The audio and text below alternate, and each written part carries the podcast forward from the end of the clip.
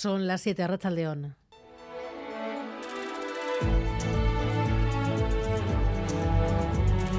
Gambara con Arancha García.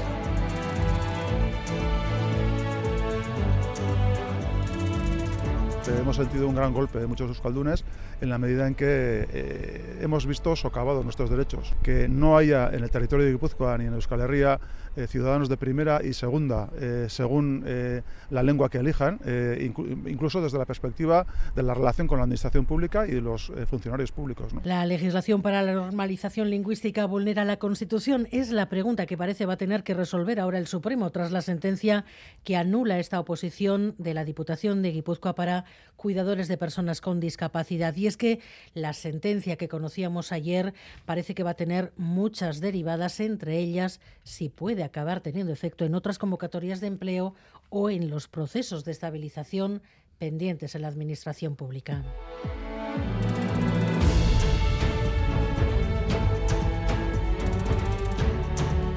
PSOE y PNV no han conseguido sumar a la oposición a la propuesta de consensuar una fiesta feminista en el, calendario laboral del año que viene.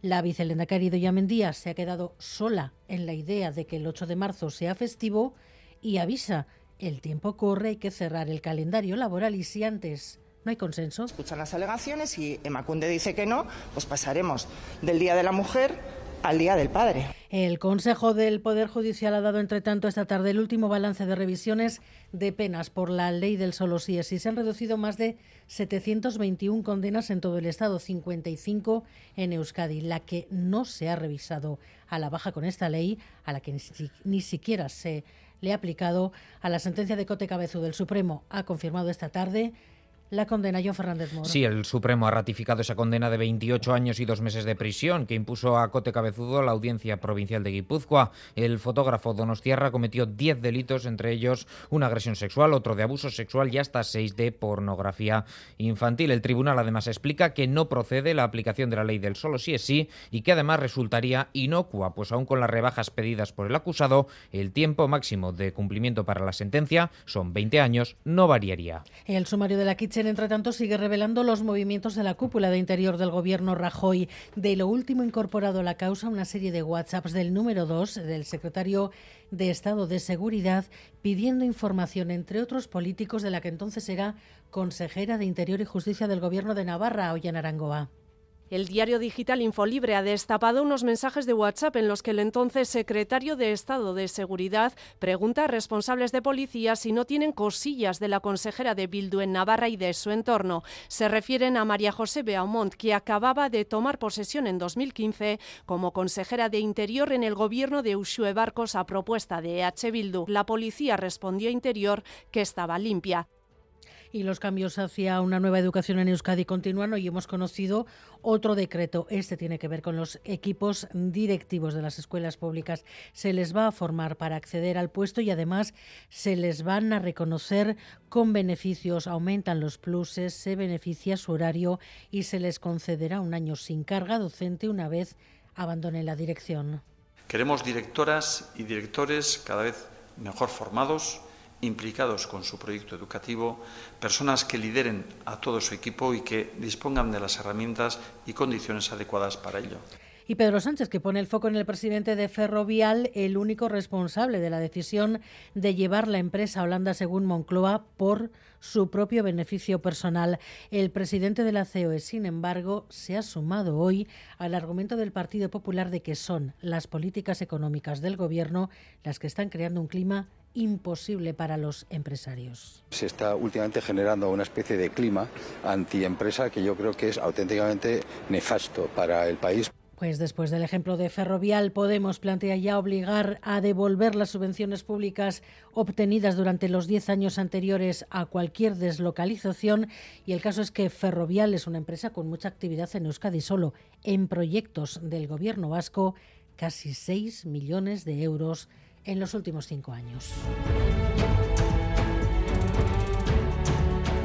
Y nos vamos al Palacio Escalduna, la gala de los Gastea Saría que comienza en media hora. Maya Zabala, León. Arracha León Aranza, mucha expectación y gran ambiente festivo a esta hora en el Euskalduna de Bilbao y es que a pesar de que queda media hora para dar comienzo a los premios Gastea Sariac 2023, son muchos los espectadores y artistas que se han acercado ya que el programa Gude Gastea se está emitiendo desde aquí desde las 6 de la tarde. Se entregarán siete galardones, todos ellos elegidos por la audiencia y hemos podido estar con uno de los nominados, con el mismo Peyo Reparaz, cantante del grupo ZETAC. Euskal musikaren industria mugitzen duen jendearen parte handi handi badago hemen, ez, gaur eta eta eta ospatzea modu batera estara bizirik gaudela, salsan gabiltzela, e, meneoa dagoela, gauzak asko ari direla sortzen eta eta hori ez da gauza makala.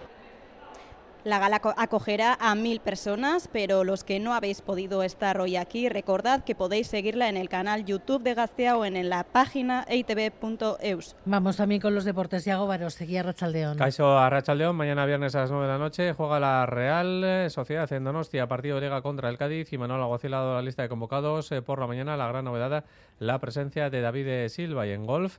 John Ram ya ha comenzado a jugar en el Arnold Palmer Invitational de California. El de Barrica es el número del ranking mundial tras imponerse hace un par de semanas en el Genesis Invitational, también en Estados Unidos.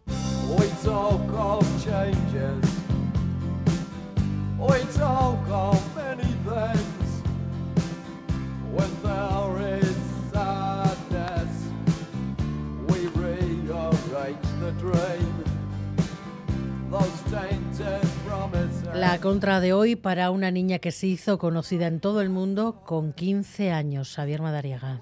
2023 se perfila como el año de las detenciones para la activista Greta Thunberg. Atrás queda el discurso con el que se dio a conocer a todo el mundo. How dare you? Entonces tenía 17 años, hoy tiene 20. Greta se nos hace mayor y aparca su imagen más formal de conferenciante frente a honorables audiencias como las Naciones Unidas. Ahora Greta es más de salir en volandas a manos de los agentes de policía de turno. Esta ha sido esta semana en Noruega. A la activista Thunberg la han desalojado durante una manifestación en Oslo en protesta contra los parques eólicos instalados en territorio indígena. Y en enero, mientras ella reaccionaba igual de impasiva, los agentes se la llevaron de una protesta contra unas minas de carbón al oeste de Alemania. Dos retenciones en tres meses, la Greta de 2023 promete.